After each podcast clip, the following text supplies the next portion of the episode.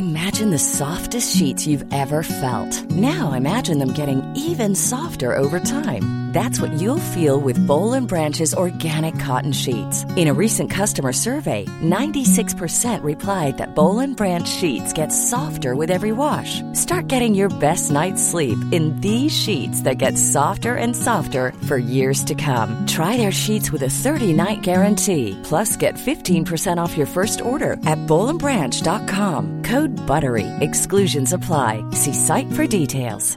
Ryan Reynolds here from Mint Mobile. With the price of just about everything going up during inflation, we thought we'd bring our prices down. So to help us, we brought in a reverse auctioneer, which is apparently a thing. Mint Mobile unlimited premium wireless. Ready to get 30, 30, bit to get 30, bit to get 20, 20, 20, bit to get 20, 20, bit to get 15, 15, 15, 15 just 15 bucks a month. So, Give it a try at mintmobile.com slash switch. $45 upfront for three months plus taxes and fees. Promo rate for new customers for limited time. Unlimited more than 40 gigabytes per month. Slows. Full terms at mintmobile.com. Burrow is a furniture company known for timeless design and thoughtful construction and free shipping, and that extends to their outdoor collection. Their outdoor furniture is built to withstand the elements, featuring rust-proof stainless steel hardware, weather-ready teak, and quick-dry foam cushions. For Memorial Day, get 15% off your Burrow purchase at burrow.com slash ACAST and up to 25% off outdoor. That's up to 25% off outdoor furniture at burrow.com slash ACAST. Er du klar for pod, Øystein? Veldig klar for pod. Nå har jeg drevet med et av bilhobbyens favorittområder, logistikk. Logistikk, ja. Ja da. I kveld får jeg besøk Ja. fra Stavanger med søkkelasta bil som skal byttes i en ny søkkelasta bil med delebytt. Så nå holder jeg på å gjøre klart til det, da. Ja. Og jeg har kosa meg og kjørt traktor. Ja, det hørte jeg rykter om. Eller det hørte jeg når vi snakka sammen på telefonen forleden. Det kommer også lytterne til å høre, for jeg har slått gresskantene langs veien. Og jeg er allergisk mot pollen, Ja, det er perfekt. så jeg har blitt litt snufsete allerede. All right. Da kjører vi Tettnesepod. Vi kjører pod.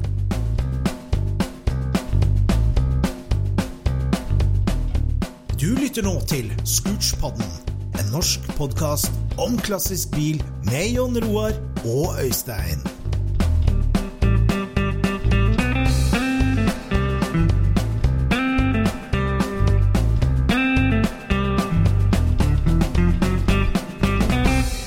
Kjære Scootspod-lytter, velkommen til en ny episode av din favorittbilhobbypod. I dag så skal vi prate om eh, hvordan eh, vi sier bokstaven A, og så må vi lære oss hele alfabetet. Vi skal okay. snakke om uh, hvordan journalister skriver om biler, og hva slags stil biler har. Vi skal snakke om verdens uh, eneste treff for bare uh, bobler lagd i, under krigen. Og vi skal snakke om et av våre favorittema, da, form follows function. Ja. Ja, det her blir bra. Men først, vel møtt i studio, Jon Roar. Takk for det, takk for det. Hvordan står det til? Jo, ja, det er vel, er vel greit. Litt rann svett og litt full av støv, men det, bortsett fra det, helt greit. Ja, ja, noen må holde eh, Norge i gang. Har du noen gang vært i Racine, Wisconsin? Racine. um, jeg har vært mye i Wisconsin, men jeg har ikke vært i Racine. Racine? Nei. Ligger på kysten, eh, altså mot de store lekene, rett nord Ja. for Milwaukee. Ja, jeg har vært i Ja. Milwaukee. Vet du hvem som ikke har vært der? I Racine? Ja? Uh, det vil jeg tro er ganske mange i. Traktoren min har aldri vært der. Traktoren din har aldri vært der? Nei. Enda det er en case. Ok, jeg skjønner. Så du har, eh, du har funnet ut at du har en case som er lagd på lisens et annet sted i verden? Ikke Jeg har laga i hovedfabrikk. Det er litt Alright. trist. Ja. Det er ikke det samme. Nei, det er ikke det samme. Men nå er ikke det case det det en gang var. For en gang i tida så var jo de kjempestore på damptraktorer. Jaha, ok. Sammen med Lans i Tyskland. Ja. Ja, og så um, Da jeg kom over en sånn En sånn YouTube-video som dukka opp for veldig mange år siden. Som dukka opp igjen nå i det seinere, da. Ja. Eh, hvor Du har sikkert sett den, du òg. Det står en masse mennesker bak på en veldig brei flytebrygge. Ja. Med en gigantisk plog på. Det har jeg sett. Ja. Som blir dratt av en svær damptraktor. Så jeg tenkte Det har jeg sett. Jeg husker, jeg husker første gang jeg så den der sånn Så tenkte jeg at ja, ja. det, der Amerikanere gjør mye rart. Men det der var noe nytt. Det har jeg aldri før sett, tenkte jeg. Nei. det der, Det har jeg aldri før sett. Men jeg Nei. gjorde ingen verdens ting med det den gangen. Så jeg, jeg beit meg ikke noe merke i det. Jeg bare syntes det var litt tøft, og så gikk jeg videre. ja, ja, ja. Men når den dukka opp for et par uker tid siden, så tenkte jeg hva er dette her, liksom? Dette her virker jo helt vilt svært. Ja, ja, ja. Jeg har sett de videoene der. Det, det, altså, flytebrygge var rette uttrykket for Hva, hva er det plattinggreiene? Er det manuelt kontrollert hvert skjær? Jeg har ikke skjønt det. Ja, det er to sånne slåer på hver plog som de drar ned for å liksom få Ja. plogen nedi. Og så det, og så er dette her satt fast på her, sånn svær sånn ja, brygge, da. Jeg vet ikke eh, akkurat hva poenget med det greiene er, men det her er jo på et sånt eh, en sånn pløyekonkurranse i, i Ja. en av disse her statene. Det er oppe i Fargo eller et eller annet sånt noe. Ja, ja. Og der, eh, der har de jo laga den videoen av dronefilming og masse greier, ikke sant. Så når jeg så den på nytt, da, så tenkte jeg at eh, hva, hva er det her, og hvor vanlig er dette her? Og så, og så med en gang du begynner å søke på dette her som på nettet, så kommer det opp case 150. Nesten alle de videoene er om en, eh, om en case 150. Som er den ja, det er eh, ikke som- masse forskjellige traktorer. Altså, det er Case Nei. som har de der, liksom. Nei, det er Det kan si at det er eh, eh, De aller fleste filmene som jeg har funnet, er med den Case 150, da. Som er en Ja. veldig svær traktor. En veldig, veldig svær traktor. Ja, det har jo skjønt. Og så, eh, så begynner jeg å kikke på den, og så ser jeg at alle disse filmene handler om én mann. Ja. Alle sammen handler om Corey Anderson, som ah, har Case 150. Ok. Det er én traktor og én mann? Ja, det er én traktor, og det er én mann. Og den traktoren den blir omtalt som eh, traktorverdens Titanic. Ok. ok. Du har fått dilla på det, du. Nei, men det var, det var ganske gøy når jeg først ramla inn i det hølet. Ja, jeg skjønner. Jeg skjønner. Ja. Så bra. Så, fordi det viser seg det at, eh, at disse her eh, Case, de produserte jo dampmaskiner. Og de, Ja. de begynte jo liksom på sånn 45 hester, så var det 55 hester, og så ble det 75 hester. Og så, Ja. og så, så gikk de opp til 150 hester. Ja. Så bygde de én. Chassis nummer 14666. Ok. Og den, eh, den eh, blei jo veldig, eh, veldig svær, da. Og den var ikke ment å pløye med eller noe sånt. da. Den var ment som et road train, skulle det være. Den skulle være til å trekke last på veien. Å ja. Ok. Ja. Og um, Så det, et av de første bildene de tar han, da drar han fire andre case-traktere opp en bakke utafor fabrikken. Ok. Den der greia, greia der sånn, da. Og så solgte de den til, eh, til noen i, nede i New Mexico på en sånn, eh, en sånn kobbergrue. Så de brukte den der og dro dette dette lasset på lasset lass rundt der nede, da. Og så i løpet av Det her var i 1905 bygde de den. Og i 1907, da hadde de endelig skjønt dette her, at eh, det er ingen som trenger så svære dampmaskiner. Fordi at eh, de lagde ni stykker. Det ble aldri noe ordentlig serieproduksjon, men de lagde ni stykker. Og de siste, Ja. de fikk de bare De solgte de som sånne stasjonære, for det var liksom ingen som brukte de etter veien, da. Nei. Så da skalerte de ned til 110. Og det Ja. var den gylne størrelsen. Den er veldig mye mindre, Ja. men den solgte de 700 av, da. Oi. Jaha. Ok. Så 150, bare ni stykker? Og bare én igjen, da? Ja, så, og så, eh, så har det liksom eh, Over tida, da, så, så blei jo til og med de liksom ødelagt. Den der nede i den kobbergrua, den gikk utfor veien. Den kjørte utafor veien, sånn at den, den blei skadd. Og så sto den da som sånn stasjonærmotor ei stund. Og så til slutt så, så hogde de den, da. Og alle de andre blei også hogd, da. Ja. Så det fins ingen av de ni igjen. Oi. Oi. Men, og det er jo derfor den er Titanic, for den er jo vekk, Ja. ikke sant? Den er borte, akkurat. Jeg skjønner, ja. Men så var det jo eh, Så er det jo et sånt stort sånn dampmiljø i statene, og, og faren til han Corey da, var jo dampentusiast. Ja. Og, og reiste rundt på alt mulig sånt, og hadde med han guttungen rundt da, på, på ting. Og en dag så kom det forbi en kar som skulle på dampshow, og han hadde med seg noe han hadde funnet i New Mexico på hengeren. Og det var, det var da kjelen fra 14666. Oi. For den hadde stått som sånn eh, vanntank på den, køl, nei, på den kobbergrua i etterkant. Det har stått en sånn vindmølle og pumpa vann oppi den tanken. Så den hadde stått på høykant, den tanken. Nei.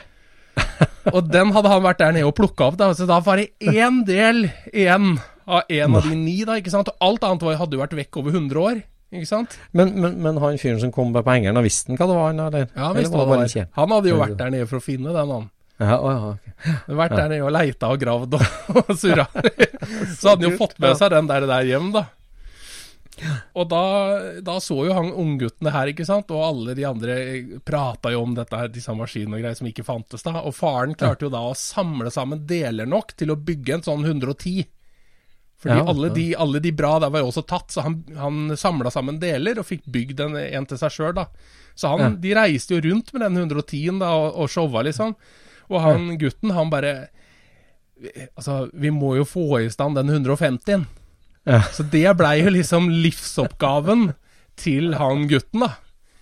Så han begynte, han begynte på, på college for å lære seg maskinering og sånt, og så fant han ut at ja, dette her går ikke i den retningen jeg trenger for å bygge dampmaskin.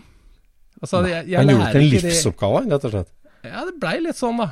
Så han, han fant ut at nei, dette, jeg begynner for meg sjøl hjemme i garasjen. Faren dreiv jo og restaurerte og holdt på litt med sånne dampmaskiner, men han her han begynte da å reprodusere deler til de.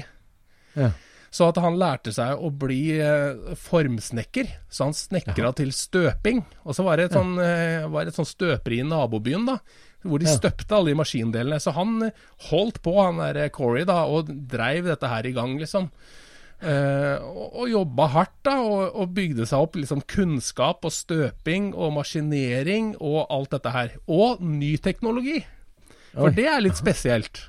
Ja. Ikke sant? Han er ikke gamleskole i hele tatt. Her er det vannskjæring, det er CNC, det er alt. Men, men det er bare å forme delen, kan du si, som man gjør i, i, med vannskjæring, da. Og, men det er nagling. Det er ordentlig nagling, og det, alt er helt riktig. Ja. Men så tok han da altså reiste ut til eh, Rashid, da, der hvor Case eh, lå. Og så fant han en fyr på arkivkontoret der, og av han så fikk han alle maskineringstegningene til 150-en. Gjør han det? Ja. Og rekonstruert hele Titanic. ja som, eh, og så bestemte han seg da for at eh, han skulle vise den opp på det neste de, de har noe sånn der annual eh, ting som, som foregår, og så er det noe sånn biannual. Og sånn at eh, han hadde liksom et par år på seg da, på å få sammen den der sånn. Oh. Så han bare begynte å, å, å støpe deler og maskinere og holde på, og alle var jo Du kan tenke deg det hvis noen begynner å bygge opp igjen Titanic i et miljø. Da er jo alle gamle kara interessert, ikke sant? Så alle disse her bare flokka seg rundt han når han begynte med dette her. Så alle ville jo hjelpe til. Ja. Så det var liksom eh, en fyr i en helt annen stat som ville maskinere for han. Da. Så han dreiv og reiste fram og tilbake og maskinerte hos han, for han var veldig flink, da. Ja. Så de bare De begynte å De gjorde alt dette her sånn, og så gjorde de noen små forandringer her og der, liksom, for at de hadde jo slitt De hadde for dårlige legeringer den gangen som de lagde den 150-en på case. Ja. Så at de, de gjorde jo noen sånne tweaker, så at han ville tåle det å ha de kreftene, da. Ja. I hvert fall så, så klarte de da det kunststykket å bygge opp hele den der eh, maskinen på ett og et halvt år. Bygde de hele den 150-en. Akkurat sånn som den sto den gangen. Herregud. Ja, men, men, men han tok ikke utgangspunkt i den kjelen på hengeren? Var sånn, Nei, den var, den var så råtten at den gikk det ikke an å, å gjøre noe med. For hele innmaten måtte byttes ut, så det blei liksom bare det ytre skallet. Og dette skal jo holde 180 PSI, liksom, så det er jo det, det, det går på en måte ikke, da. Men den er gjenskapt ned til en minste detalj, altså. Hele saken. Også Men altså, du, sto- du snakka om chassisnummer. Altså, har han øh, Har han stansa han det? Det som, Triple det, som six? er, det som er saken, er jo at eh, han ble klar til 2018 med den der sånn. Og når Mhm. han karen som eide den der eh, originalkjelen så det, så bare kom han med den der skiltet. Den, den skal oh. stå på din. Og så fikk, så fikk han med seg tanken hjem, og så monterte de eh, 14666 på den der eh, som er da helt ny, da. Herregud. Så den, eh, den eh, videoen som jeg så, det var jo rett etter Første gangen jeg så den, var 2018. Og det var første gang en så stor dampmaskin kjørte i hele tatt, ikke sant? Beveget seg. Ja. Ja. For dette her er jo ikke noe småtteri. Den er 7,5 meter lang. Ja. Den er 4,2 brei. ja. Og så er den da, da 3,6 meter høy. Herregud. Bare altså, det å frakte den Altså, i 1909 å frakte den fra Wisconsin til New Mexico, det, et- det er et enormt prosjekt bare i seg Ja. sjøl. Altså. Ja, for den, den veier jo i seg sjøl, så veier den jo 27 tonn. Og ferdig lasta så veier den 33 tonn. Å, hildanne du. Det er dimensjoner, altså. Ja, så, så sitter, sitter du oppå toppen der, vet du, så er det jo eh, Det ser jo helt latterlig ut, for fyren er bitte liten oppå den der ja. maskinen her. Vet du. Bare det der reimhjulet på sida som drar sånne aggregater og, og sånt noe, det er 1 meter og 20. Altså, det er, alt er så enormt svært. Ja. Og de der bakhjula, der har de satt på sånne ekstrahjul utapå, da, for at han skal liksom flyte på jordet. Det, for Ja, det er jo, er jo en del av den uh, pløyinga. Ja. Men når han var halvveis i prosjektet, vet du, så kom de der for støperiet og sa at uh, vi har bestemt oss for å legge ned støperiet. Vi skal, uh, vi skal selge det. Så da måtte han bare snu seg rundt og kjøpe støperiet med 60 mann. Såpass, ja. Men altså, hvor kom pengene fra? Det utgangspunktet var det sponsorene, eller? Nei, nei, nei. Han, han har jobba for alt sammen, han. han. Han bygde jo det der firmaet som han begynte hjemme i garasjen. Han, han har jo liksom bare lagt stein på stein og ansatt flere og flere folk, og bare drevet på noe voldsomt, altså. Ja, men hva, ja, hva har han tjent penger på? Ja, det er på, på maskinering, støping eh, Ja, og sånne type ja. ting som det der sånn. Ja. Og de der hjula, vet du, de herre Det traktormønsteret som er på vanlig traktorgummidekk, det er jo støpte detaljer på en sånn, eh, på en sånn case som er nagla på. Alt er jo støpt, ikke sant? Det er, det, det er en helt utrolig maskin, altså. Det består bare av eh, masse sånne her entoms nagler som holder sammen alt dette her. Da. Så, så han eh, Han fikk den klar i, i 2018. Og har jo da turnert rundt med den her, sånn da, til forskjellige ting. Herregud. Men uh altså akkurat så, så han maskinerte og, og støpte andre ting for andre folk, da, og det er det han Ja. valgte som sin bane. Men eh, Ja. levde faren til å se 150 gå, da? Ja da, ja da, de er Jo, sammen. jo. Ja, han er med og, og spar, han. han Nei, det er jo to en- etasjer bak deg, vet du. Det er en, hø- en, en høyde hvor du står og sparer inn eh, køl. For du, du har jo med deg 3,3 tonn med køl. Ja. Og så har du med deg 2,5 tonn eh, med vann. Ja, Og, og den, den utvikler jo da 150 hester. Og det er jo bare én sylinder, vet du. ja. Det er en gigantisk sylinder. Og den skulle jo han kompisen maskinere, da. Ja. Men den gikk jo ikke inn i dreiebenken hans, vet du. Han er kompisen i nabostaten. Og hva gjør vi nå, sier han Corey, vet du. Ja, da kjøper jeg en ny dreiebenk, da, sier han. så han var rett av gårde og kjøpte en ny dreiebenk, så de fikk drei den der, Herregud, den sylinderen. Så de har liksom virkelig stått på for å få dette her opp og stå igjen, da. Det går an.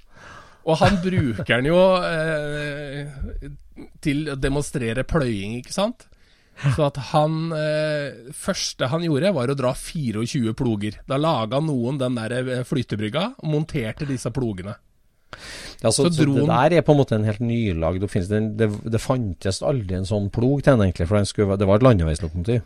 Ja, men mm. de der eh, Jeg tror det at på sånne traktorshow, da, Så det, det viser seg at det er en slags sånn målestokk, det. Hvor mange sånne her eh, bot, John Deere bottom plows du kan dra, da. Ja. Så eh, når du ser sånne her snurre-sprett-traktorer, så drar jo de De drar eh, en toskjærs, da. Ikke sant? Det er det Ja, de klarer. Og det her, det første han begynte med, det var 24. 24 skjær dro han da. Med en mann som står og holder i spakene på alle sammen bortover. Og så har han jo gått gradene, da.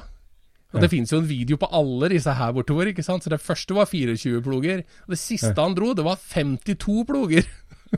Herre 18 meter brei, den flytebrygga med de plogene bak. Og da begynte jeg å lure på hvor mye krefter er det egentlig i det? Men det vet jeg jo, det er jo 150 hester. Ja. Men, men det må jo være noe voldsomt med moment. Og så søkte jeg på Case 150 Dino.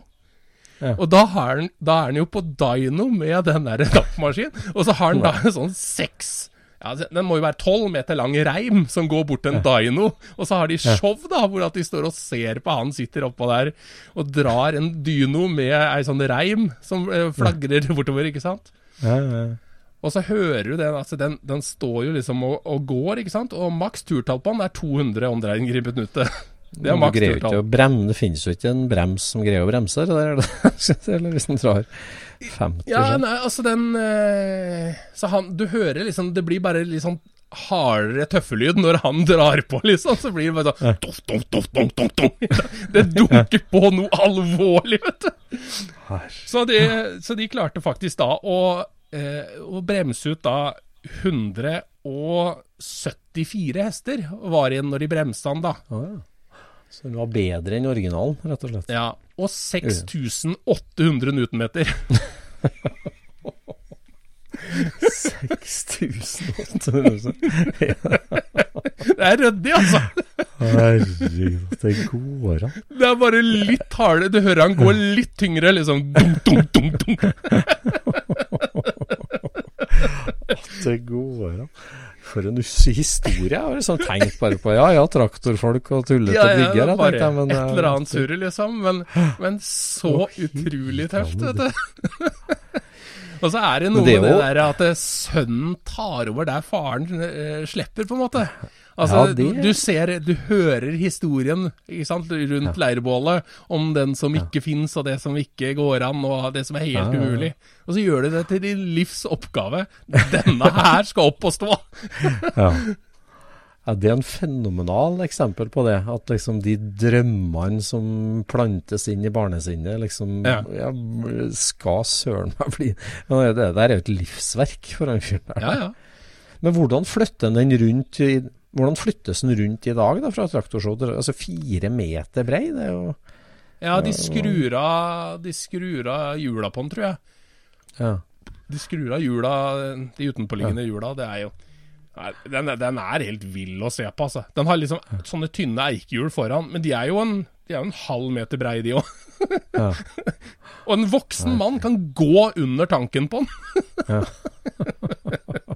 det er liksom Nei, er bare, jeg bare Jeg fascineres av sånne eh, Altså sånne, sånne bragder som det der. Også når det er mekanisk i tillegg, så blir jeg liksom litt gira. Det, det syns jeg er tøft, altså. Ja, altså, altså larger than life, eh, rett og Ja, slett. altså, det, det skal ikke gå an, på en måte, det der, men Nei.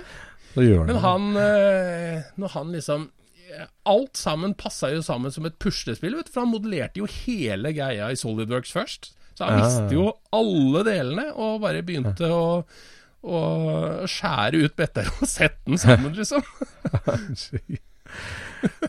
Ligger det ute filmer der, da? Han lager bitene og alt det der, eller?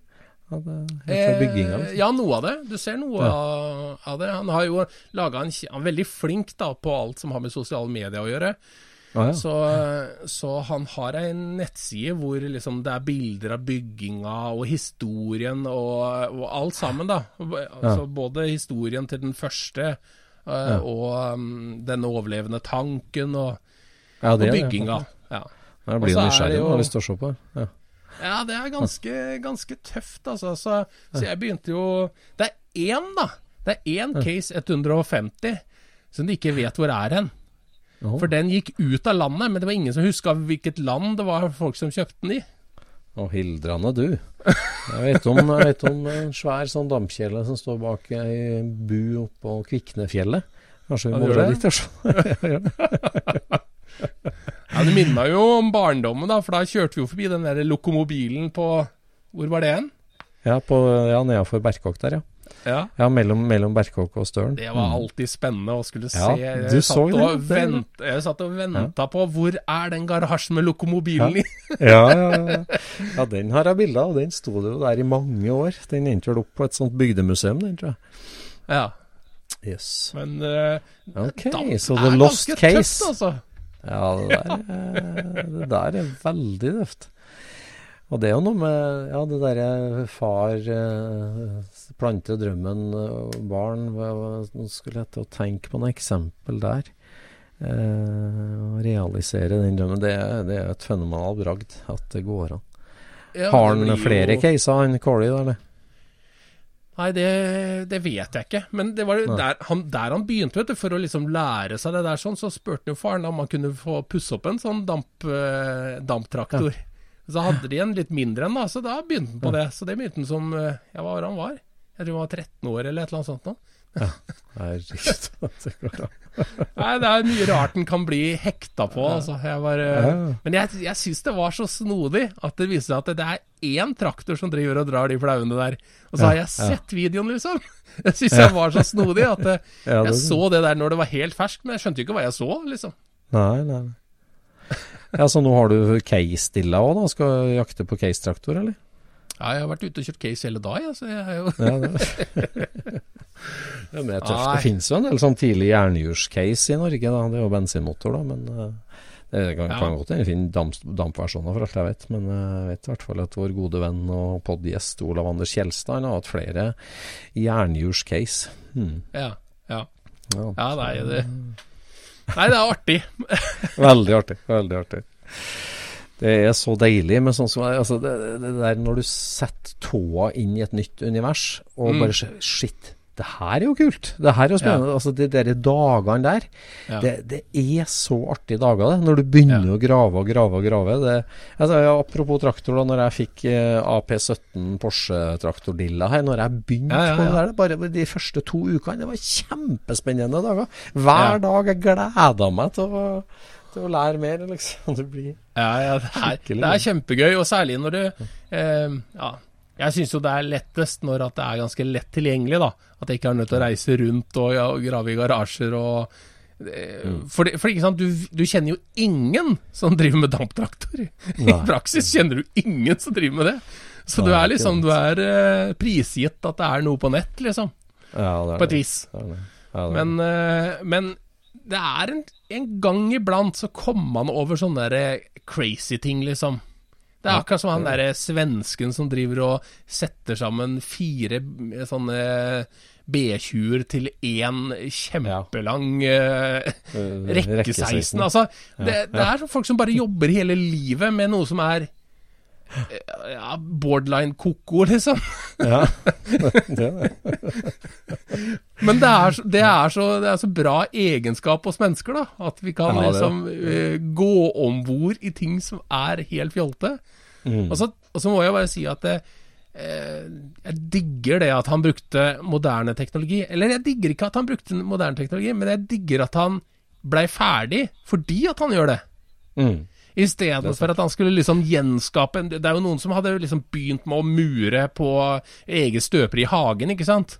Altså Som går for langt ut. Mm, Ja, ja. Så kommer aldri til Ja, eller at du skal støpe deg nøyaktig samme kokill eller støpeformtype Ja, som de hadde. Og Men du kan jo rote det til altfor mye, vet du. Ja, det kan jo. Så at, så at du er eh, Ja, du er lost før du får begynt, på en måte. Ja, ja. Men isteden så driver jo han liksom og, og jobber med den her sånn for å få den bedre og bedre. Ja, ja, ja. og, og driver og shower og trikser, da. Så nei, det er absolutt morsomt. Men det at han hadde så mye mer hester, da, 20% mer hest, det, det er jo ikke sikkert de hadde noe ordentlig mål på det back in the days. Sånn at eh, Nei, den jeg- jeg tenker bare liksom man kan 150. bygge litt bedre, men uh, hvordan, hvordan bremsa du det, da? Du, du regna på det sikkert, men det gjorde de nok. Antageligvis, men den, Mm. den har jo helt sikkert Altså, det er jo ikke vanskelig å lage en bremsebenk, egentlig. Men, eh, men de regna sikkert bare på stempelstørrelse og, og Ja, trykk. trykk, Så, ja. Men det er, jeg syns det er snodig. Altså, det er én sylinder. Det er bare én Den svære maskinen, så er det én sylinder. Men det er jo Det er vel to monstrous svinghjul på den, ikke da? For du- det er jo ikke noen krefter i det stempelet skal opp igjen. Så er det jo, da er det jo bare svinghjulskrafta. Ja, men det, jeg, jeg vet ikke hvor det sitter hen i så fall, for jeg ser bare den der outtaken på, på, på sida der, sånn, så jeg vet ikke akkurat åssen det fungerer. Om det er Det er ikke sånn at den, at den bruker stempelet i begge retninger, altså. Det gjør han- vel, ja. Det gjør den, ja. Stemmer. Jeg vil jo nesten tro det, at han ja, ja, ja, mener de ja, gjør det. Alle dampmaskiner gjør det, forresten. Det tenker på. Ja, ja. Det er sant. Ja, det gjør den selvfølgelig. Så det er ikke en, det er ikke ett stempel egentlig, men det er én sylinder, da.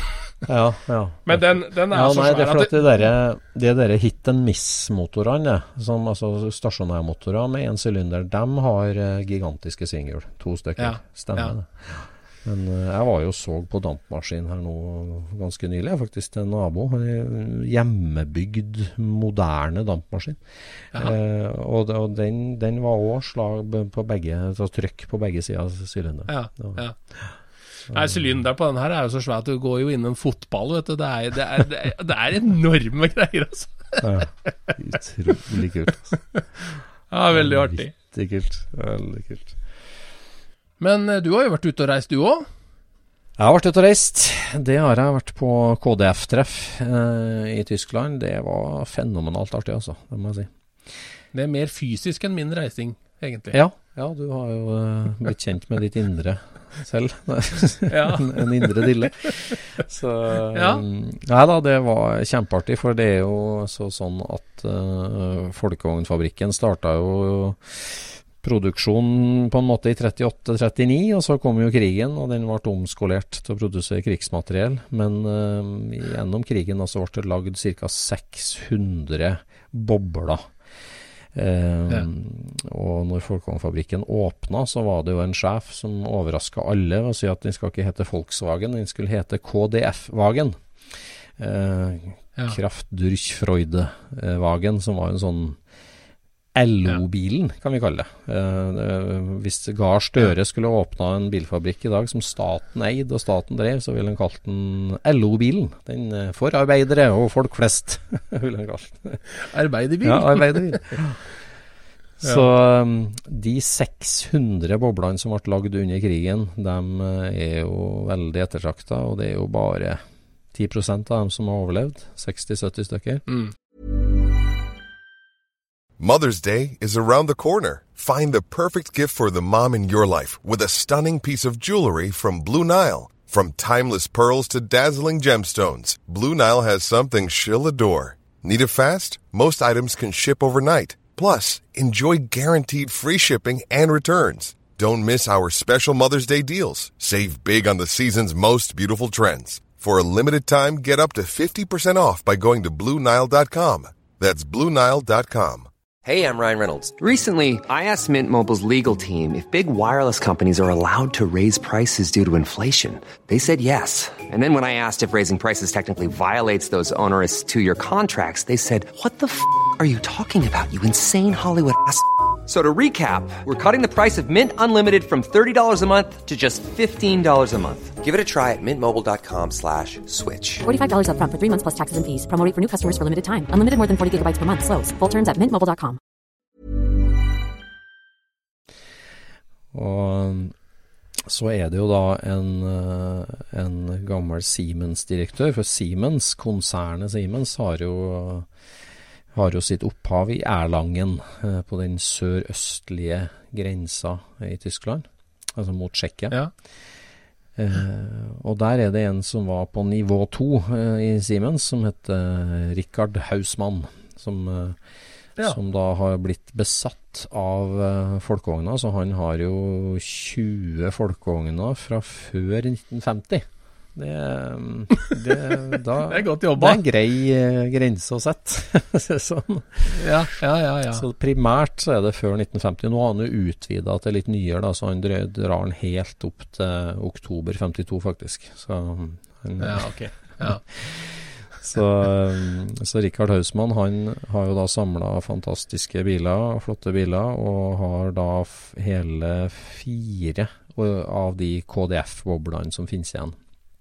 Som han eier ja, sjøl, fire stykker. Og han har jo bygd seg et museum, kjøpt seg industritomt uh, utafor Erlangen der, der han uh, brukte tegningene fra 1951, der folkevogn skulle jo standardisere absolutt alt. Og dem, det her har Ja, vi ja, sånn som tyskere gjør. Sånn som tyskere gjør. Det her har vi snakka om før i poden òg, for vi har vært der sammen vi på Ja. tur. Så, så han har bygd museet sitt. han sitt. bygde jo da mønster, mønsterverksted. Det var jo det han bygde, som han bruker som museum. Ja, han gjorde det. Så han, mm, moderne byggteknologi, men, men han har samla alt av gamle dører, vinduer, ledninger, brytere, toalett, Ja, det råeste er jo alle de der bakelitt-innfestningene av ledningen, altså. Ja, ja. Det var skikkelig tøft, altså. Helt vilt, altså. Alt er synlig elektrisk med bakelittfester. Ja. Nei, det, Det er eh, og altså, når jeg var der nå, så så jeg nye da, altså Bare rørsystemet. Altså på doen og badet. Ikke sant? Det er gammel sisterne, og det er ikke, det er ikke et plastrør. Og det, det er sånn veldig gammeldagse jernrør han har satt sammen utvendig. Det, det er helt magisk sted, altså. Apropos liksom patina og sånt, da, så eh, fant han jo et sånt jernbanestall som skulle rives. Og da var han der og henta alle vinduene og dørene han trang, Ja. og monterte de uten å male de. Ja. Så alle rundt dørhåndtaket og kanter på dører og sånt og er slitt ned av ekte mekanikere. Ja. Så det er liksom Det er med patinaen fra det togstallen, Ja. er i det nye bygget hans. Nei, det, Det er kult, altså. Det er så lekkert gjort, altså. Nei, det, det er imponerende. Han har jo midler og gjennomføringsevne til å både bygge den samlinga og, og bygge det fantastiske museet som jo Ja, det er et verksted. Han har jo en liten verkstedel der sjøl, der han skrur. øh, Han holder på øh, og skrur, det gjør han. Og så, og så er det jo en stor øh, utstillingshall da, som er en slags verkstedhall, liksom, fra gammelt av. Ja. Så er det enestående. Altså. Så han har jo da fire av de ca. 60-70 som lever igjen i verden. Og så innbytten innbytte han da for fire år siden, eller for fem år siden, eh, til verdens første KDF Only-treff. Eh, og da var de vel en 13-14 stykker som kom. Eh, Og nå var det tid for nummer to, og nå var det altså 21 som dukka opp. Ja. Og den, eh, den norske reiste ikke ned. Nei, det, det finnes jo to sånne biler i Norge, og, Ja, det er til og med to, vet Ja, du. det- To er det. og Men forrige gang så var en av de nedafor. Ja, den ene som, som jo har tilhørt Møller i mange år, men som nå er på private hender, og som er bortimot kjørbar, da. Det er jo en veldig fin eksemplar. Den var nedover forrige Ja. gang, den var ikke nedover i år. I år var det en islending fra Norge som var med. For eh, 46-bobla vår da ble jo invitert ned som For den er jo bygd av engelske soldater av deler eh, som KDF, altså KDF-deler. Det var deler som lå igjen i fabrikken, som ble satt sammen av engelske hender. Um, Ja. eh, Så, så han Hausmann syns jo det var en veldig Ja, det er jo som du kalte i poden, en book, bokende. Ja, Bookend. Ja, bookend, Ja, ja, ja, ja. Så den var med, så det var Men der nede så havna du nå i, i den her uh, youngtimer-avdelingen, du da. Ja, det var jo litt sånn artig. Det er mange, mye rart å si om det treffet, da. Men en av tingene da, som var litt artig, det var jo at på lørdagen så, så la han opp til at alle eierne skulle presentere sin bil. Eh, og Ja. det var kjempeartig. For at når den ikke var større så, større, så gikk jo det veldig fint. Det, var, det var 21 biler pluss en veldig fin replika, og pluss min, da. Så det var, var 23 biler som sto der, da. Og da Men klarte du å holde deg til å bare presentere din egen? Eh, ja, jeg gjorde det. jeg pleier å presentere andres biler. ja, du pleier å ta tak i mikrofonen, og så kjører vi på. Ja, ja. ja da, nei, jeg passa, passa på å skryte av initiativet, da, eh, Hausmann. Og, Ja. Så det var jo så artig, vet du, for det var jo, det var jo biler fra hele Europa. Europa, da. Eh, det var det. Så var det jo én bil som kom fra USA, som var flydd over fra USA. Landa på torsdagen før treffet og reiste hjem igjen tirsdagen etter treffet. oi, oi, oi! Såpass! Og, og han hadde jo med seg han Lloyd Key, da, som eier den bilen. Han er jo en kjent stor samler, både Porsche og Folkvogn. Og han fløy over og hadde med seg et sånt entrasje av folk, da. en, en sånn fire-fem stykker som var med. Så, Merkelig. så var det to, to Men eh, når du presenterte bilen, da, altså, skiller den seg nå ut? Den, i, altså, den er jo ikke kanskje akkurat som alle andre der, da? Nei, det var jo veldig artig det, da. For uh, det var jo mm, Altså, den presentasjonsrunden var artig i seg sjøl, for da, var, da hadde han en mikrofon og en høyttaler som vi bare bærte fra bil til bil, på en måte. Og så og hver Ja. eier da fortalte litt om historien til sin bil, og det, det var jo veldig varierende, ikke sant. Du, du har jo eh, Men, men av, i det spekteret der, da, så var det jo eh, liksom, Gjennomsnittet der er jo superoverrestaurert, altfor fin, eh, og alle merker skjult, så hvor mye nylagd karosseri det er, og hvor mye chassisnummer du egentlig bygde ut fra, er umulig å si. Fordi at eh, sant? kunnskapen rundt de her bilene er jo så dypdykka og spissformulert. Altså det er jo en ja, det er jo en par titalls folk i verden som, som har perfeksjonert kunnskapen om hver eneste detalj på de bilene. eh, Ja. Selv om det jo stadig læres nye, men det, det, var, det var helt vilt, altså. Altså eh, ja det, ja, det kan jo komme tilbake til, men det var veldig mye nerding da, på forskjellige detaljer. Men bilene som sådan er jo superrestaurert, enten grå eller beige. Eh, helt kjønnsløs. Eh, nitrist, Ja. eh, spør du meg. Og Så var det én polsk bil da med latterlig fake patina. Nei, det her er kanskje stygt å si, for jeg kjenner jo eieren, men uh, han har prøvd. Uh, det er alt vi kan si om det. Men når du ja, når du da får uh, fake rustmaling også på lyktglasset, så blir det jo litt som litt dumt, på en måte. Så men, okay. eh, så, men så var det da én av Var det det som vi kaller for filmpatina? Ja, det var en veldig enkel, en polsk versjon av filmpatina, faktisk. ja. Okay, ok, ok. Men så ja. var det én bil som var, som var utrolig ekte, og som har en veldig passionate eier, en tannlege fra Nye i Sør-Tyskland. Han har to uh, sånne biler, faktisk, og kjøpt da den ene for ja, det måtte ha vært over 30 år siden. Han kjøpte den tidlig på 90-tallet. Kjøpte den av en Ja. annen storsamler. Og den har han da skrubba ned til mye originallakk og sveisa veldig fint og samla veldig mye fine deler. Og det var en ordentlig hyggelig bil. Men Ja. sammen med den da, så, så blir jo min eh, veldig annerledes og står jo veldig ut. Og det er liksom i et hav av uh, kjønnsløse biler, så, så var det de her to som uttrykker en historie og en fortelling, da. Så Ja, det må jeg, altså Her må jeg jo ta den parallellen med dette her Mud and Snow-bladet som har eh, nylig kommet ut. ja. Nå skjønner jeg hvor du skal. For der blei jo, ble jo din bil presentert. ja.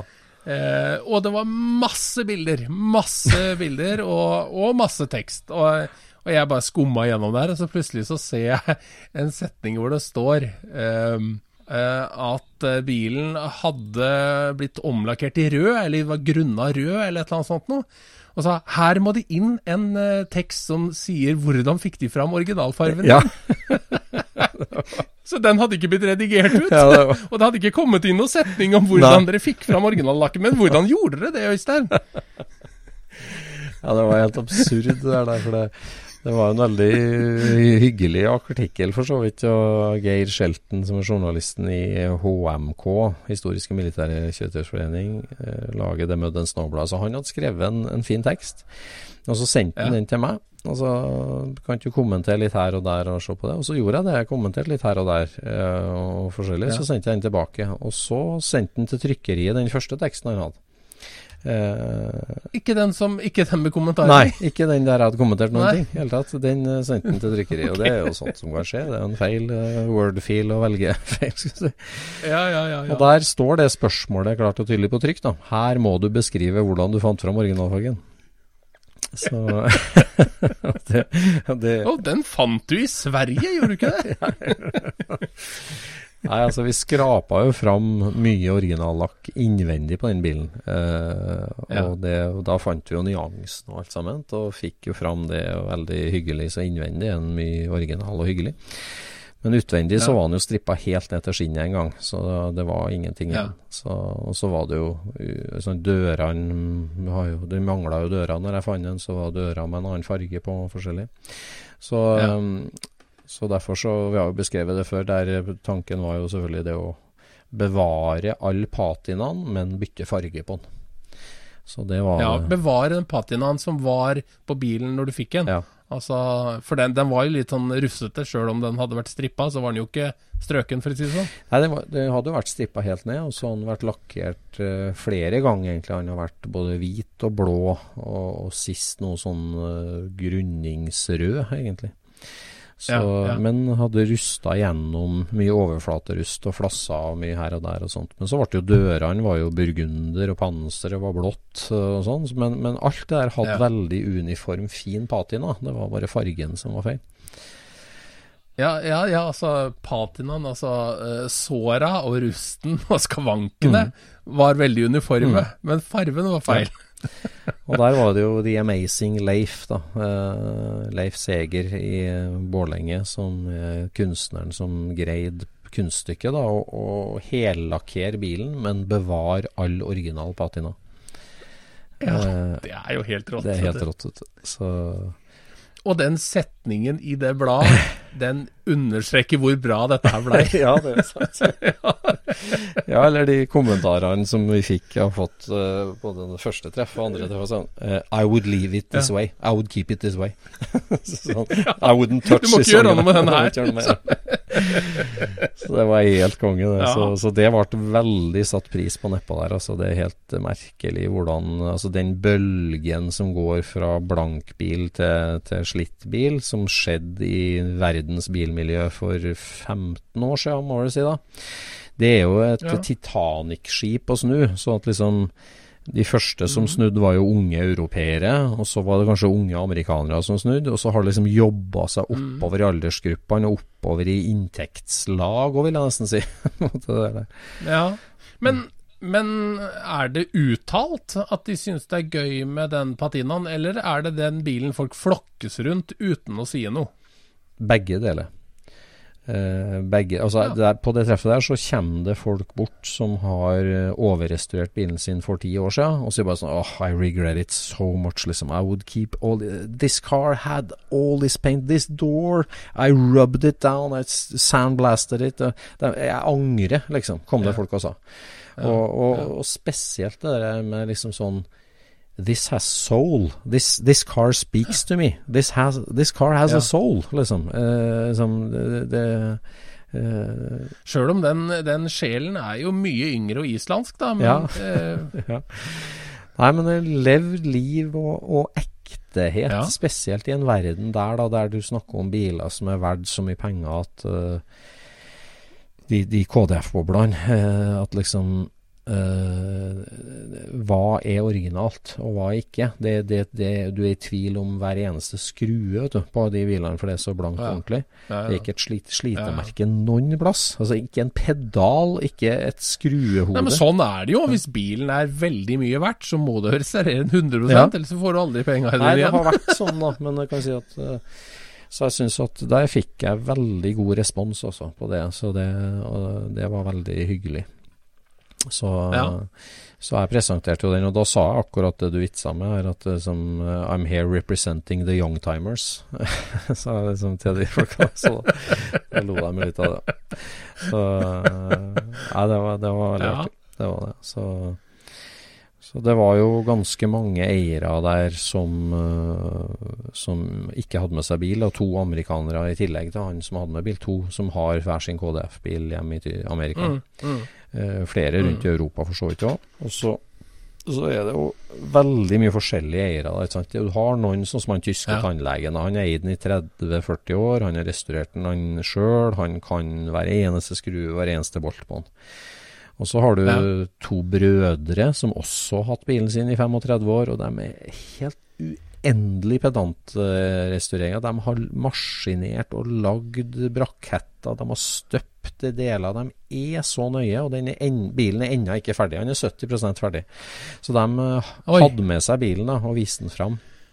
Og ja. altså Den rustsveisinga og platebankinga de har gjort, den, eh, der har du blitt imponert òg, Jon Roar. For den, den, det, de er flinke, altså. De så de har gnidd og gnidd og kommet inn i bart metall. da Så, ja. så den blir jo helt superstrøken. Og den, den, har jo vært bra. Og det å vise den i bart metall viser jo hva som er ekte og ikke. Så det er en fin måte å ja. liksom, bygge historien på bilen. da men så har du motsatsen til dette her, da, så er det jo da du har det spesielt to, da, og vi skal ikke nevne navn, veldig nyrike, veldig rike karer som, uh, som har snubla inn i folkevognhobbyen. Uh, og klart at Har du uendelig med penger og, og snubler inn du, du, kjøper igjen den 73-caben du hadde når du var student, for den var så kul og den var gul, og så begynner du å lese litt om ja. folkevogn, og så er det sånn, sånn Ja, hva er det råeste? Hva er det absolutt? Hva er toppen av isfjellet? Toppen av isfjellet? Jo, det er jo KDF-boble.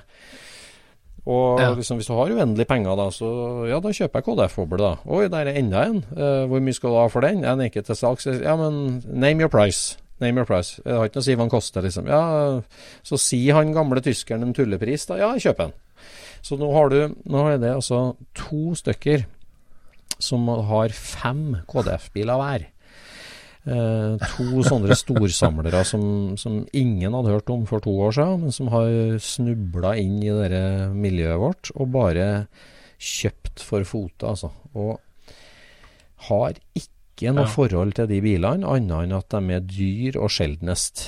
Eh, og det var så fælt. Altså, ja. det, det, liksom, det, det, toppa seg. Altså, det ene som skjedde, var at han ene han fløy jo rundt til alle som kom. og sånn eh, How much? How much? Skal du selge den? Skal du selge den? Ja, men du har jo fem. Har, han hadde med seg to stykker dit, da, av de fem. Ja. Hvor skal det ende? Eh, how much? How much? Name your price. Liksom til alle sammen. Og da kommer han Rikard Hausmann inn og sier hei, du, det her er et entusiasttreff. Det her er ikke noe bruktbilbutikk. Slutt med de budgreiene. Uh, liksom, ok, nå møtes dere. Jeg kan ikke bestemme hva dere gjør etter helga her, men slutt. Det der er bare tull. Det her er ikke noe bilbutikk. Det her er et entusiasttreff. Måtte han bare virkelig ja. satt ned foten, altså. Og det var så bra at han gjorde. Men uh, han ene da, hadde jo med seg en sånn lakei da, som han dytta inni en av de bilene som altså, skulle kjøre på tur. Uh, for det var en sånn utflukt. Altså 15 av de 22-3 bilene uh, starta på 46 starta og gikk som en drøm. Og dro av gårde på en sånn veldig hyggelig liten tur. Og da, da dytta han en sånn vaktmesterlakei inn i den ene bilen han hadde med. Og han har jo aldri kjørt en usynka bil før i hele tatt. Og bare sjåk, hva er det for noe? Liksom Hadde ikke peiling på det. Jeg var sånn vaktmester på en sånn eiendomsfiremann her, da, som han skulle ha til å kjøre den bilen. Så det rapa ja. girkassa og bråbrems og tullekjøring. Det var helt grusomt å høre på for oss som kan det, da, for å si. Med dobbeltclutching og sånn. Så han Dere med mekanisk sympati? Ja, ja mekanisk sympati. Og verst var det helt sikkert for han tyskeren da, som har brukt 30 år på å restaurere den bilen, som også var der. For han hadde jo vært uh, ja. hermetegn dum nok til å selge den til han rikingen for no noen år tidligere. da. Ja. Så han hørte på det. Det var helt grusomt. Og den bilen stoppa jo, da. Av alle de 15 som var ute og kjørte, så var det dønn stopp på den bilen på den kjøreturen. Og det viste seg at uh, den har jo stått på et museum, den bilen. Så den hadde fått siste tankfylling for sju år siden. Og han rikingen ja. hadde jo bare kjøpt den og dytta den inn i museet sitt. Han hadde ikke sett på bensinslangene for Biltema eller tyggisen som var i bensintanken, eller noen ting. da. Nei. Så der skjedde jo det at den dårlige bensin og tyggisen da, den gjorde at en ventil kilte seg, rett og slett. Han uh, kilte seg i åpen stilling. Ja. Så det var jo 10 000 mekanikere der, det var mange gode forslag, men det viste seg det at det var null kom på en sylinder og en, en, en ventil som hang. da. Og det der, der ble jo en ja. sånn greie. da, Det tok jo en halvtime. Og han derre rikingen da, han kjører altså en sånn Cadillac Escalade, eller noe sånt sånn monster av en SUV, som han kjører ja. bak da, de 15 lekre små bilene som vi ville ha fine bilder av uten noen andre biler. Kommer han en sånn svær, glorete, gullforgylt Cadillac da, bak der, og ser på vaktmesteren sin. Var han amerikaner, da, eller Nei, var, det, var, det, bare imagen? Det var ikke amerikaner. Nei. Nei. Og, og det der Ah, Ja. Det var så fælt. Og så begynte jeg å tenke på det at eh, hva skal skje med det, hva, hva, altså det treffet der, da. Hvis du har en to til sånne karer i Cadillac som eier 80% av alle bilene som finnes, hva slags treff blir det da?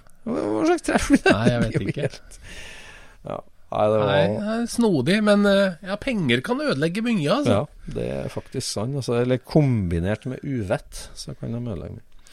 Ja, det er sant. Så, det er sant. eh, Nei da, så, men nå ble det jo mye fokus på negativ. Det var en fantastisk artig treff. Og det som var helt unikt med det treffet der, det var det at det var eh, 25 biler da, som var invitert. Og så var det jo andre eiere, og det var folk som var altså Det var jo ikke sånn at det var stengt for folk. Du kunne komme dit og se litt på bilene, men i utgangspunktet så var det forhåndspåmelding, bare inviterte. Du fikk et armbånd når du Mm. kom. All mat, fri øl hele helga. Og vi var på det museumsområdet, inngjerda området. Og det, det var så god tid til å snakke med folk. Og det var Ja. fenomenalt. Du kunne sette deg ned og ta en kaffe med altså, he, altså Hele Europa var representert. Amerika, England, Skandinavia. Ja. Det var så Det var tida til å prate om bildetaljer, prate med folk. Catch up on old times, skulle jeg si. Og det var virkelig hyggelig. Altså sånn Lærte du noen nye detaljer, da? Jeg har lært mye nye detaljer, altså. Det gjør jeg. Eh, på KDF-bil, så, så jeg følte liksom at Og det var et sånn nytt konsept, for at eh, gjennom jobben så er jeg på sånn fagseminar, eller eh, hva heter det, en konferanse. Si at du skal på en Ja. tunnelbyggekonferanse, f.eks. Så øh, Mm. hvis vi skal med tunnelbyggekonferanse, da kan det være noen utstyrsleverandører som viser fram utstyret sitt, men så er det også sånn fagseminar. Sant? Du setter deg i et auditorium og hører om et tema. Nytt fugeskum for øh, det der, eller ny forskning på et eller annet. ikke sant? Rockagill 2. Ja. ja. Rockagill 2, ja. Så, og, og det her føltes litt sånn. Jeg var på et sånt fagseminar om, øh, om folkevogn. Ja. Det, var, det var en deilig treffform altså, for meg. Det traff meg.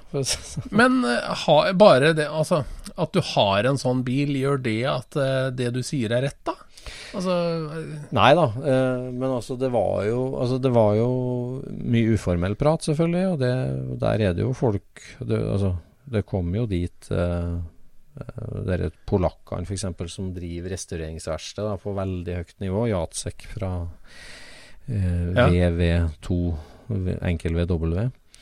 eh, som har jo veldig Ja. greie på ting. ikke sant? Han snakka mye om nye deler han driver og reproduserer, og hvordan teknologien bruker for å gjøre det, og støping av ratt og ja, aluminiumsdeler. var interessant prat rundt sånt, f.eks. Og så var det en Mm. pensjonist der da, som ikke snakka et ord engelsk, som holdt et lite foredrag. Han har lagd ei bok som han lanserte på det treffet.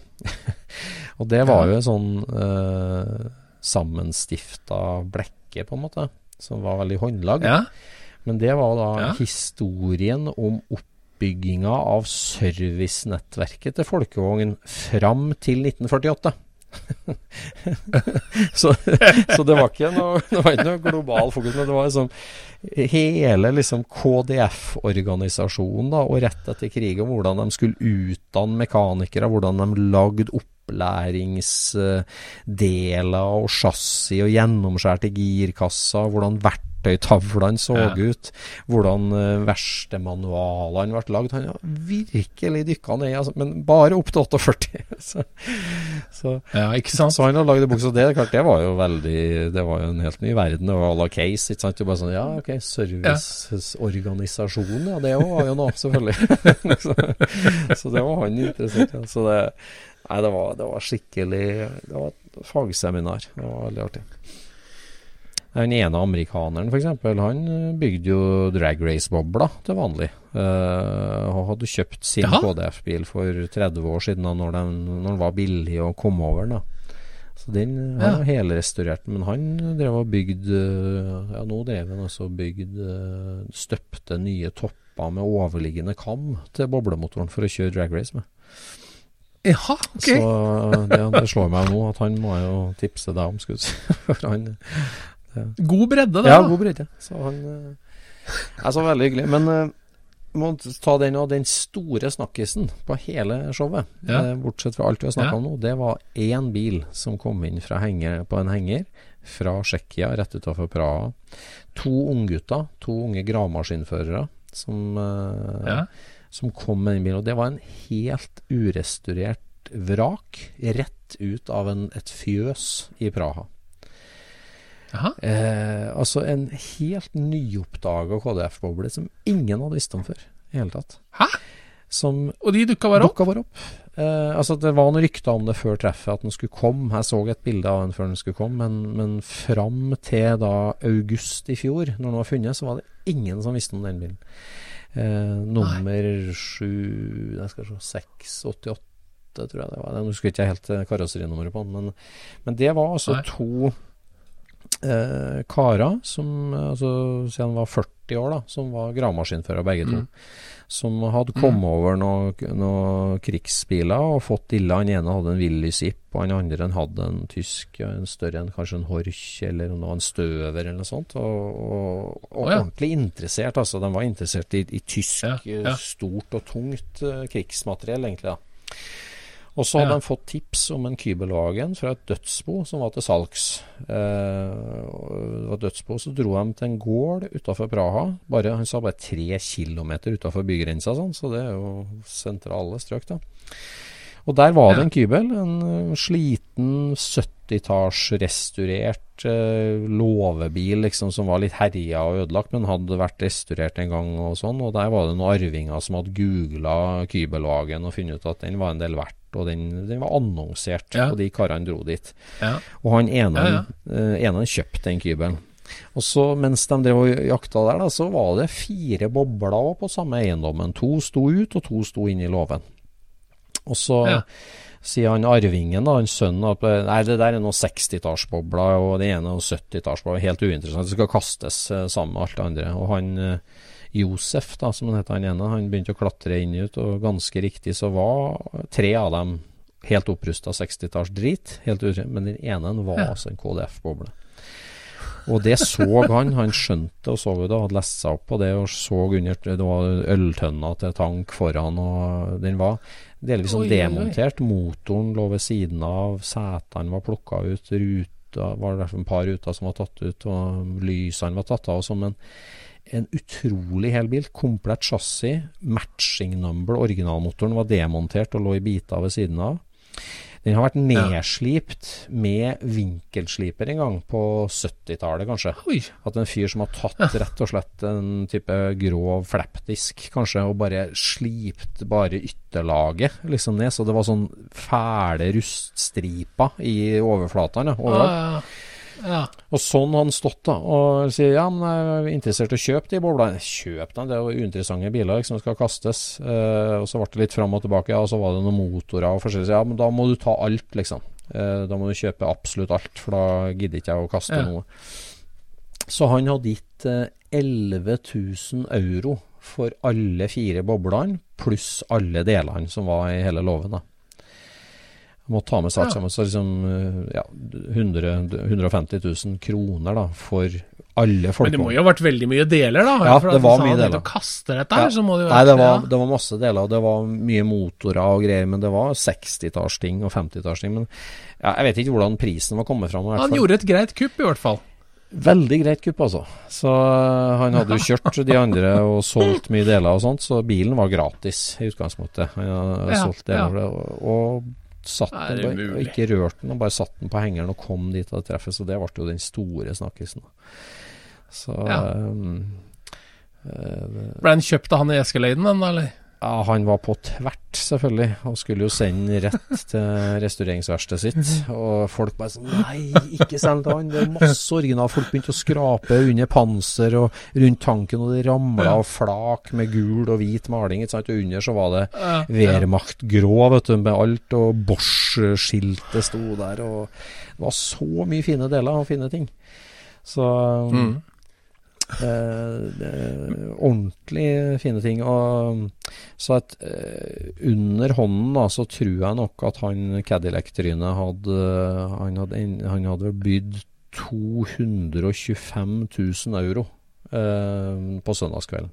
Ja. Men, han, Ja. eh, men, men det, altså, det var jo et rungende kor rundt den av alle andre som 'Ikke selg den, ikke selg den, ikke selg den'. Alle sammen var på den og sa det. Så han reiste hjem til Praha bare sånn 'It's not for sale. Not for sale. Not for sale. Not for sale'. Men uh, jeg tror han var ganske Ja. sjokkert, han gravemaskinføreren. hva som skjedde der, altså. Så spennende. Men er det liksom sånn at, eh, at dette her patina-greiene, det, det begynner å bli liksom en trend, det der greiene der nå, da, eller? Ja, jeg vil si at det er liksom mainstream, nærmest det. Altså, Nedpå der så har du tatt en spørreundersøkelse der. Foretrekker du originallakk Ja. eller nylakkert, så ville 70% sagt originallakk. Og det som nå kan skje, det er at en eller annen journalist ser dette fenomenet, gir det et navn, og plutselig så eier han fenomenet. Ja. Ja, nå skjønner jeg hvor det skal. Det der, det der er en eh, eh, Det er både genialt og en skikkelig uting. Ja. Hvis en journalist begynner å skrive om det her, og sier at eh, patinabiler er det nye, og, og, og gjør hevd Ja, på patina. begrepet. Det må være det, De må ha med liksom sånn Døpe det ordentlig. Ja. Det er som derre eh, New partner eller Ja, ja, altså et eller annet sånt. Noe, noe sånn fjoll. Altså, Og så er det akkurat som at når de har skrevet dette her, så skriver de liksom For, det, for det, det en journalist skal gjøre, det er jo å observere et fenomen. Og for å beskrive fenomenet, så har du nødt til å liksom si hva flesteparten med patinabiler gjør. Ikke sant? Du tar, prøver å ta vare på rusten, du fa, mm. fa, farger inn der hvor fargen er feil, du får tak i originale deler, du får tak i ting som er passe slitt. Og så skriver du ned denne her eh. Denne teksten i et blad, og så deles det ut. Og så blir folk helt hekta på dette greiene her sånn. Og etter noen år så begynner folk å tenke på det må være sånn, for det er regler. Dette her er sånn det her skal være. Det er sånn vi bedømmer om du gjør ting riktig eller galt. Han har jo bare Og der kommer det negative inn. Ja, for dette er en betraktning av en trend. Altså ytterpunktene av trenden har han jo ikke beskrevet. Nei. Han har bare beskrevet hva som flesteparten i trenden gjorde. Mm. Så jeg gir jo han derre eh, Han som beskrev den første Calluker-trenden Jeg gir jo han kred for at Calluker blei så stort, og kanskje til og med også at modifisering av bobler blei så stort. For det blei så lett å se at ah, hvis du gjør dette her, hvis du liksom eh, hotter bilen sånn og sånn, og så blir det liksom en, en, en look. Og da er det veldig lett for en annen som liksom ikke kanskje har masse ideer sjøl for hvordan man skal få til en tøff bil. Hvis du ser en mal, ja, men da kjører vi på den malen. Ikke sant? Og plutselig så er det en selvforsterkende effekt. Så det er, en, det er en kjempebra greie å gjøre for en journalist. Men det er noen journalister som ikke klarer å gi slipp på det de har gjort. Nei. Som dermed skriver seg sjøl inn i historien. Mm. Ja, det er det. Og det er en skikkelig uting, ja, altså. Skummelt. Skummelt. Ja, så syns jeg jo sånn som det der der, da, ikke sant. Det at uh, du skal liksom omtale det som en hva skal jeg si, som en ny trend eller som en ny stil. Jeg syns det er liksom også veldig rart. Altså sånn, det her er jo, Ja. det her er jo liksom Ja, dette er ekte. Det her er, det her er Ja. Altså, Ja, det er bra å beskrive det, for så vidt, men å liksom si at oi, no, Ja. noe nytt har dukka opp i bilhobbyen. Eh, bilene skal se Ja, ut ja, som de eh, liksom, Bilene skal se ut som Det er jo strengt tatt ikke det som har skjedd. Nei. Det er det at jeg har lagt merke til at det er flere og flere som prøver å få ting til på denne måten. Det er en observasjon. Det er jo ikke Det er ikke en konstruksjon. Nei, det der er subject til en egen pod, det der. Eh, og et dypdykk i Eh, Det er det definitivt. Men jeg så jo det at, eh, at skandinaver ble trukket fram til å ha ansvaret for, for patinabruken. Ja. Og det kjenner jeg meg litt igjen, for der tror jeg vi har mye å takke vår, vår kompis på Nesodden for. Altså. Ja, ja. Nei, det er jo, det er jo Altså at vi liksom så det at levd liv er noe. Ja. Og det er jo på de uh, steina der vi fortsatt står, føler jeg. ja. ja. det er helt sant. Veldig viktig. Veldig viktig. Spennende, spennende. Vi er ved veis ende på dagens eh, pod-episode. Og vi må igjen rette en stor takk til deg som hører på Scootspodden og laster ned hver eneste uke. Vi ses på både treff og oppturer i eh, denne sommeren som står foran oss. Er det noen nye, nye patrons siden sist? Ja, vi har fått Roy Grelland, Carl Otto Jansen, Ja. som var med oss på Supersinic, Ja. og Roy Grelland igjen. Oi! Dobbelt opp! Det er topp, vet du. Det er topp, vet du. Tusen takk for støtten til Scootspodden, og tusen takk for at du lytter på. Takk for i kveld. Takk for nå. Ha det bra. Scootchpoden produseres av SSC Media, med god hjelp av VV Norge og Trond Dahl for hosting, Knut Micaelsen for musikk. Abonner på Scootchpod via podcaster eller Acast, og følg Scootchpod på Instagram og se det vi snakker om. Der kan du også komme med kommentarer og innspill, og fortelle oss hva du vil høre om.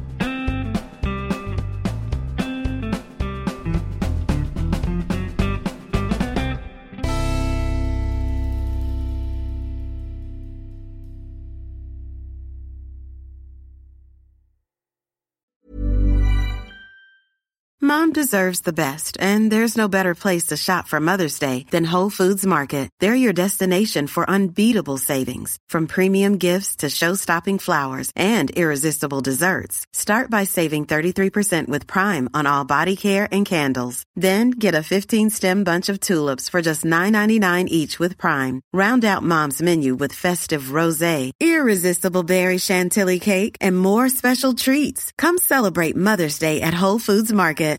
Planning for your next trip? Elevate your travel style with Quince. Quince has all the jet setting essentials you'll want for your next getaway, like European linen, premium luggage options, buttery soft Italian leather bags, and so much more. And it's all priced at 50 to 80% less than similar brands. Plus, Quince only works with factories that use safe and ethical manufacturing practices. Pack your bags with high-quality essentials you'll be wearing for vacations to come with Quince. Go to quince.com slash trip for free shipping and 365-day returns. Mom deserves the best, and there's no better place to shop for Mother's Day than Whole Foods Market. They're your destination for unbeatable savings, from premium gifts to show-stopping flowers and irresistible desserts. Start by saving 33% with Prime on all body care and candles. Then get a 15-stem bunch of tulips for just $9.99 each with Prime. Round out Mom's menu with festive rosé, irresistible berry chantilly cake, and more special treats. Come celebrate Mother's Day at Whole Foods Market.